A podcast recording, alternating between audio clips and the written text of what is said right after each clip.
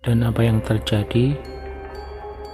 Tubuh mereka berdua langsung gemetaran begitu melihat Mbah Sarinah sedang menari dengan gemulai. Diiringi oleh suara gending gamelan yang entah berasal dari mana.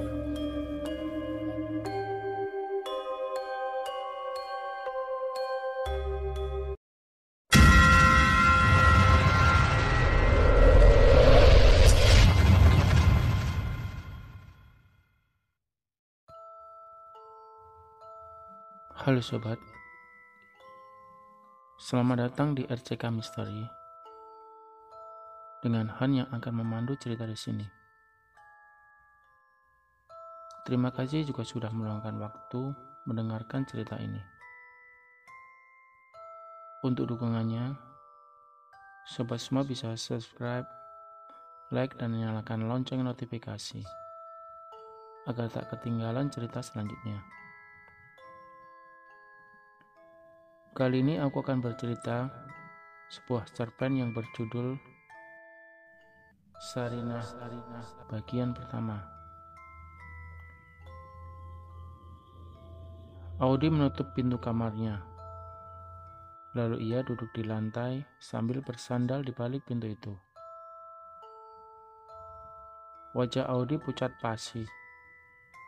Lalu ia memejamkan matanya. Ya, Wanita itu mirip seperti yang ada di dalam impianku tadi malam. Pikir Audi dalam hati. Tubuh Audi masih saja gemetaran. Bulu di sekujur tubuhnya merinding tak karuan. Apa yang terjadi pada diriku belakangan ini? Kenapa aku selalu dibayangin oleh wanita tua itu? Pintu kamar Audi diketuk seseorang. Audi mengintip dari lubang pintu untuk melihat siapa yang berada di depan kamarnya. Audi lalu tersenyum lega ketika ia mengetahui yang mengetuk pintunya itu adalah Julie teman dekatnya.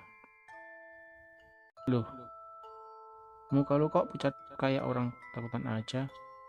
Tanya Julie ketika Audi membuka pintu kamarnya. Gak apa-apa kok. Malam ini lo nginep di sini kan Jul? Kata Audi. Sip. Gua kan sudah janji sama nyokap lo. Selama dia tugas di luar, gua yang akan nemenin lo di rumah selain Mbok Surti. Jelas Julie sambil tersenyum. Audi kembali tersenyum begitu mendengar perkataan Julie. Audi adalah anak sematawayang di keluarganya. Bapak Audi seorang pilot yang sibuknya luar biasa. Dalam sebulan, biasanya hanya seminggu berada di rumah. Sedang mamanya adalah wanita karir yang juga sangat sibuk. Contohnya seperti sekarang ini, mamanya harus pergi dan meninggalkan Audi untuk menginap di luar kota. Dan saat inilah hanya Julie, sahabat Audi, dari SMU dan Mbok Surti wanita setengah baya yang sudah mengurusinya sejak ia kecil. Jam sudah menunjukkan pukul 11 malam. Audi membuka matanya perlahan-lahan, lalu ia merapatkan tubuhnya di dekat Julie yang sudah tertidur lelap. Sepertinya saat ini Audi tidak bisa memejamkan matanya untuk beristirahat. Ia masih saja terbayang-bayang dengan wanita tua yang tadi ia temui. Ya, Sore tadi sepulang dari kuliah, Audi langsung mengendarai mobilnya keluar kampus.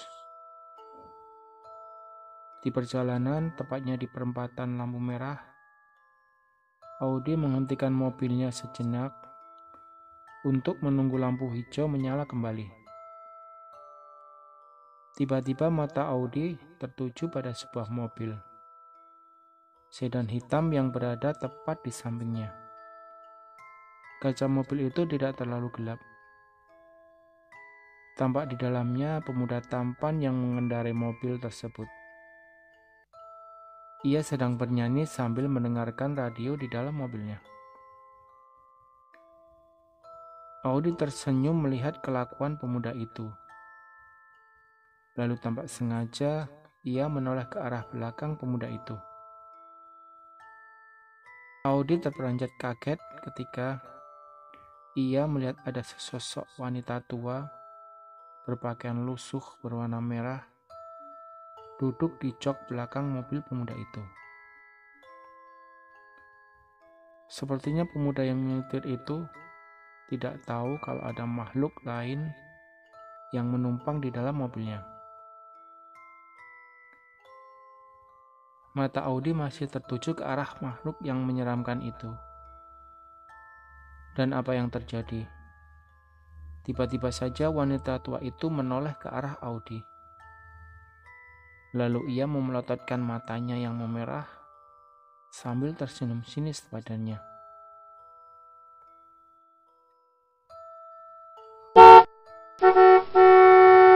Bunyi klakson yang berada di belakang mobil Audi Audi pun terkejut mendengarnya. Ia lalu menarik nafas panjang, lalu persekian detik wanita tua itu menghilang dari jok belakang mobil pemuda itu. Seketika pula sekujur tubuh Audi lemas dibuatnya. Audi lalu mengendari mobilnya lagi ketika lampu hijau menyala. Selama di perjalanan menuju rumahnya, Audi sangat ketakutan. Terlebih lagi wanita tua yang tadi dilihatnya adalah wanita yang persis di dalam mimpinya dua hari belakangan ini. Yaitu wanita tua yang berbaju lusuh berwarna merah. Apakah ini hanya kebetulan saja? Atau cuma khayalan aku yang terlalu tinggi? Ya Tuhan, kata Audi dalam hatinya. Keesokan harinya, ketika Audi dan Julie tiba di rumah setelah pulang dari kuliah, Audi terheran-heran melihat banyak orang berkumpul di halaman rumah. Audi mengurutkan keningnya dan tampak bingung. Lalu ia turun dari mobilnya. Ada apa? Mbak Surti bisik Pak Audi ketika Mbak Surti menghampiri dirinya. Ada orang dari Yayasan Panti Jompo mau bertemu dengan Non Audi. Jawab Mbak Surti. Audi berjalan ke arah seorang laki-laki setengah baya yang tampak cemas. Ada yang bisa saya bantu, Pak? Tanya Audi. Maaf, Mbak. Saya ke sini sudah aja persetujuan dari Ibu untuk memulangkan Ibu Sarinah ke rumah ini. Jawab Bapak itu. Memulangkan siapa? Jawab Audi sekali lagi yang tampak bingung.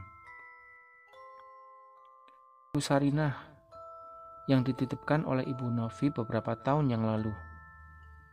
Sekali lagi minta maaf mbak, pengurus yayasan sudah tidak sanggup lagi untuk mengurus Ibu Sarinah saat ini. Jelas bapak-bapak itu lagi. Audi tersenyum dalam hatinya ia masih dibuat bingung dengan perkataan bapak itu. Selama hidupnya, Audi tidak kenal dengan Ibu Sarinah. Siapa wanita itu? Setelah orang-orang dari yayasan pulang, Audi berusaha berkali-kali menghubungi mamanya untuk menanyakan siapa Mbok Sarina itu. Tetapi ponsel mama tetap saja tidak bisa dihubungin. Ibu Sarina itu siapa mbok? Tanya Audi pada Mbak Surti. Itu non, Ibu Sarina itu adalah adik angkatnya Eyang non Audi. Jawab Mbak Surti. Hmm, adik angkat. Kok Eyang sama Mama tidak pernah menceritakan keberadaan Ibu Sarina kepada Audi dalam hatinya? Terus Ibu Sarina sekarang ada di mana, Mbok? Tanya Audi.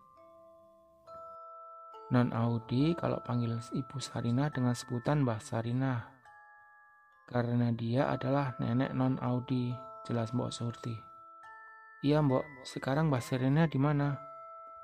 Tanya Audi sambil menganggukkan kepalanya. Ada di kamar belakang non, jelas Mbok Surti. Audi melangkahkan kakinya menuju kamar belakang bersama Julie. Audi mengutuk pintu kamar itu pelan-pelan, tetapi tidak ada jawaban sama sekali dari dalam. Masuk aja, Non. Ibu Sarina sudah tidak bisa mendengar. Bising Mbok Surti. Audi dan Julie saling berpandangan. Audi dan Julie saling berpandangan. Audi membuka pintu kamar itu perlahan-lahan. Mereka berdua melihat seorang wanita tua yang sedang berbaring di ranjang. Audi tersenyum lalu ia mendekati Mbah Sarina. Tetapi saat kemudian, betapa terkejutnya Audi melihat wajah Mbah Sarina terlihat sama persis dengan wanita yang kemarin berada di dalam mobil itu dan yang muncul di dalam impiannya. Wajah Audi mendadak menjadi pucat pasi. Tubuhnya gemetaran. Di, kayaknya semalam gua lihat orang persis kayak Mbah Sarinah deh ada di depan rumah lo. Bisik Juli yang tidak kalah sama terkejutnya. Masa? Tanya Audi sambil menatap Juli. Iya, semalam waktu kue buka gerbang, ada nenek-nenek di depan pagar lagi melihat-lihat rumah lo. Dan waktu kue tanya, dia diam aja. Jelas Juli penasaran. Mungkin non Juli salah lihat orang kali. Kata Mbok Surti yang tiba-tiba saja ada di antara mereka dan memotong perkataan Juli. Audi dan Juli sama-sama menoleh ke belakang dan memandang Mbok Surti. Ibu Sarina itu sudah tidak bisa berjalan lagi. Keadaannya seperti ini. Setiap hari selalu berada di atas ranjang. Ibu Sarina juga tidak bisa berbicara dan mendengar lagi. Dia hanya bisa mengisyaratkan matanya bila memerlukan sesuatu. Ibu sudah lumpuh karena tua dimakan usianya. Jelas Mbok Surti. Hmm, aneh. Gua nggak salah lihat di wajahnya sangat persis seperti Mbah Sarina. Bisik Juli yang nampak bingung. Audi tersenyum dalam hatinya. Mana mungkin wanita tua itu adalah Mbah Sarinah yang selama ini selalu dibayanginya. Audi tersenyum. Audi terdiam. Dalam hatinya ia berpikir, mana mungkin wanita tua itu adalah Mbah Sarinah yang selama ini selalu membayanginya. Dan mengapa Juli juga sudah pernah melihat orang yang sama persis dengan Mbah Sarinah sebelumnya. Di, gue kok tiba-tiba jadi merinding gini ya? Ah, gue keluar aja deh. Bisik Juli lagi sambil buru-buru keluar dari kamar meninggalkan Audi. Audi masih saja memandangi wajah wanita tua yang berbaring di hadapannya. Mbak tertidur dan tidak berdaya di atas ranjang. Wajahnya tampak menghitam dan berkeriput. Matanya cekung, pipinya kempot, tubuhnya kurus kering seperti tengkorak yang hanya dilapisi oleh kulit yang sangat tipis. Apakah dia adalah wanita yang sama? Aku yakin Julie pasti juga terkejut melihat kejadian ini. Tetapi melihat keadaan Mbah Sarinah yang tak berdaya seperti ini, Aku jadi ragu untuk menyakininya, pikir Audi dalam hatinya. Tidak lama kemudian, Audi pun bergegas pergi keluar kamar, menyusul Juli. Ini sudah malam kedua Mbah Sarina berada di rumah Audi. Semenjak ada keberadaan Mbah Sarina di rumah, rumah Audi menjadi lain sepertinya. Malam hari terasa begitu panjang dan mencekam. Seolah-olah di setiap sudut rumah ada orang yang mengawasi dan memperhatikan gerik-geriknya. Audi merasa tidak begitu nyaman.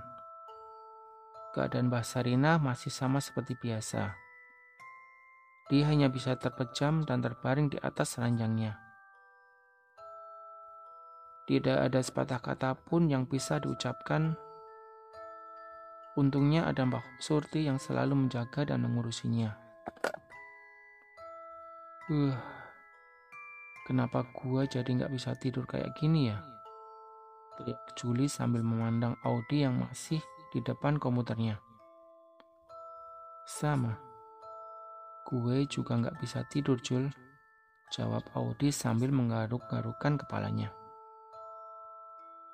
Turun ke bawah yuk. Kita minum susu. Siapa tahu aja habis minum kita bisa tidur, ajak Juli. Hmm, Jam setengah satu malam, kata Audi dalam hatinya sambil melihat jam dinding. Yuk, Di, kita turun, ajak Juli. Audi menganggukkan kepalanya. Tidak lama kemudian mereka berdua keluar kamar dan menuruni anak tangga berjalan menuju dapur belakang. Jul, bisik Audi sambil memegang lengan Juli di kegelapan rumahnya. Ada apa? Jawab Juli sambil menghentikan langkahnya. Lo dengar sesuatu nggak? Bisik Audi. Juli dan Audi terdiam sejenak. Mereka pun saling berpandangan.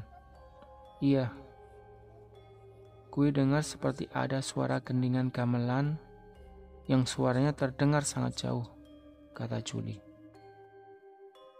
Suara itu dari mana ya? Tanya Audi.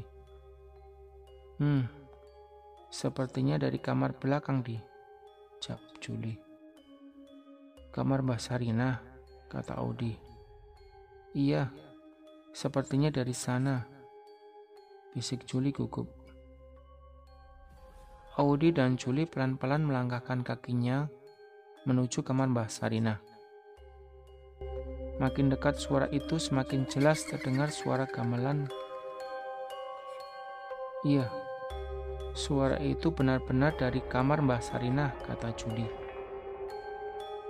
Siapa yang mentel kaset atau CD tengah malam kayak gini, Jul? Seingat gue di dalam kamar itu tidak ada tape. Dan nggak mungkin juga Mbah Sarina bisa mendengarkan suara itu, bisik Audi. Audi dan Juli semakin mendekati kamar Mbah Sarina. Dengan rasa penasaran, Juli membuka pintu kamar itu pelan-pelan. Lalu mereka mengintipnya. Dan apa yang terjadi? Tubuh mereka berdua langsung gemetaran. Begitu melihat Mbak Sarinah sedang menari dengan gemulai, diiringi oleh suara gendingan gamelan yang entah berasal dari mana. Mbak Sarinah memakai kebaya berwarna merah yang sangat bagus Sambil memegang selendang, Mbak Sarinah melenggok-lenggokkan tubuhnya mengikuti alunan suara itu. Wajahnya sangat berbeda. Ia tampak lebih muda dan sangat cantik. Kulit wajahnya sangat mulus bersinar dan tidak berkeriput. Rambutnya hitam lebat dan tergerai indah memanjang hingga sepinggang. Dih, Bisik Juli sambil menggenggam tangan Audi yang begitu dingin. Apa yang lo lihat sekarang? Sama dengan apa yang gue lihat kan Jul? Bisik Audi dengan suara yang gemetaran. Iya, I itu Mbah Sarinah, jelas Juli. Audi dan Juli sambil bertatapan di depan pintu kamar. Lalu mereka berdua mengintip lagi. Lama-kelamaan suara gendingan itu terdengar semakin jauh lalu menghilang. Seiring dengan itu, keadaan Mbah Sarinah pun mulai berubah seperti semula. Tubuh mereka berdua semakin tidak karuan rasanya. Audi dan Juli berlari menaiki tangga menuju kamar. Begitu tiba di atas, mereka berdua pun sangat terkejut ketika melihat keberadaan Mbah Sarinah yang sudah berada di depan kamar Audi. Ia berdiri tubuhnya membongkok, kurus kering. Wajahnya keriput, kepalanya tampak membotak dengan rambutnya yang memerah dan tergerai sepinggang. Ia melototkan matanya menatap mereka berdua. Audi dan Juli pun berteriak dan langsung berlari lagi menuruni anak tangga. Juli meraih kunci mobil yang tergeletak di meja Lalu mereka berdua lari terbirit-birit keluar rumah. Cepat buka pagarnya, Di. Teriak Juli sambil menyalakan mesin mobil. Odi cepat-cepat membuka pintu pagar rumahnya. Lalu ia berlari menghampiri mobil yang dikendarai oleh Juli. Cepat masuk, Di. Teriak Juli. Tidak lama kemudian, sedan berwarna putih itu pun melaju dengan kencang dari halaman rumah Audi di tengah malam. Ya Tuhan, teriak Audi. Ia tidak percaya dengan apa yang dilihatnya tadi. Tuh kan, gue udah tebak kalau ada yang gak beres sama lo itu di, kata Juli lantang. Ya Tuhan, Teriak Audi lagi sambil menoleh memandang Juli yang sedang mengetir. Ada apa di? Tanya Juli.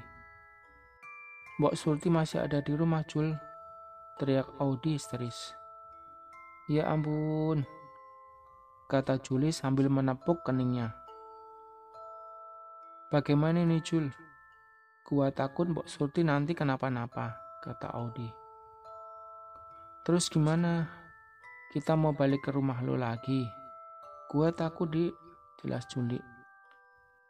Terus bagaimana dong jadinya? Apa yang harus kita lakukan? Tanya Audi cemas. Mudah-mudahan aman, Dik. Kalau Mbok Surti mengunci rapat pintu kamarnya. Sumpah, gua nggak berani lagi ke rumah lo saat ini. Jelas Juli sambil memacu kendaraannya. Tidak lama kemudian mobil yang dikendarai Juli berhenti di depan rumah yang berpagar hitam. Ini rumah siapa? Tanya Audi. Rumah sepupu gua. Kita bermalam di sini saja ya. Gua mau hubungin sepupu gua dulu, jawab Juli. Juli mengeluarkan ponselnya. Lalu tidak lama kemudian keluarlah seorang anak laki-laki sebaya mereka menghampiri mobil. Ada apa Jul? Ayo kita masuk. Ajak anak laki-laki itu. Audi mengikuti langkah Juli dan sepupunya itu masuk ke dalam rumah. Kenalkan nih Andre, teman dekat gue, kata Juli sambil menoleh ke arah Audi. Audi dan Andre berjabat tangan. Andre membuatkan teh hangat untuk Juli dan Audi yang sedang beristirahat di atas sofa. Juli menceritakan yang tadi. Juli menceritakan kejadian yang ia alami berdua dengan Audi. Begitu pula dengan Audi. Ia pun bercerita apa yang dialaminya selama beberapa hari ini. Termasuk kejadian sewaktu di lampu merah empat hari yang lalu. Apa? Lo juga pernah melihat Mbah Sarna sebelumnya, di? Tanya Juli tidak percaya. Iya, Jawab Audi sambil menganggukkan kepalanya. Wah, parah. Bagaimana ini? Teriak Juli. Kita harus menyelamatkan Mbok Surti, Jul. Jelas Audi yang sangat mencemaskan pengasuhnya. Iya, besok kita ke sana, jawab Juli. Aneh, ponsel mama sampai sekarang juga masih nggak bisa dihubungin, kata Audi sambil mantap Juli dan Andre. Bagaimana kalau kita besok pergi ke yayasan yang pernah ditinggalin oleh Mbah Sarinah dulu, kata Andre. Ke yayasan panti jompo itu? Tanya Audi. Iya. Kita cari tahu tentang keberadaan Mbah Sarinah selama ia tinggal di sana. Lo berdua tidak penasaran kenapa tiba-tiba saja para pengurus yayasan memulangkan Mbah Sarinah dengan alasan sudah tidak sanggup lagi mengurusinya. Pasti ada hal lain yang disembunyikan oleh mereka. Gue yakin pasti ini berkaitan dengan Mbah Sarinah yang tidak baik. Jelas Andre. Benar juga tuh Andre. Kita harus ke sana, kata Juli.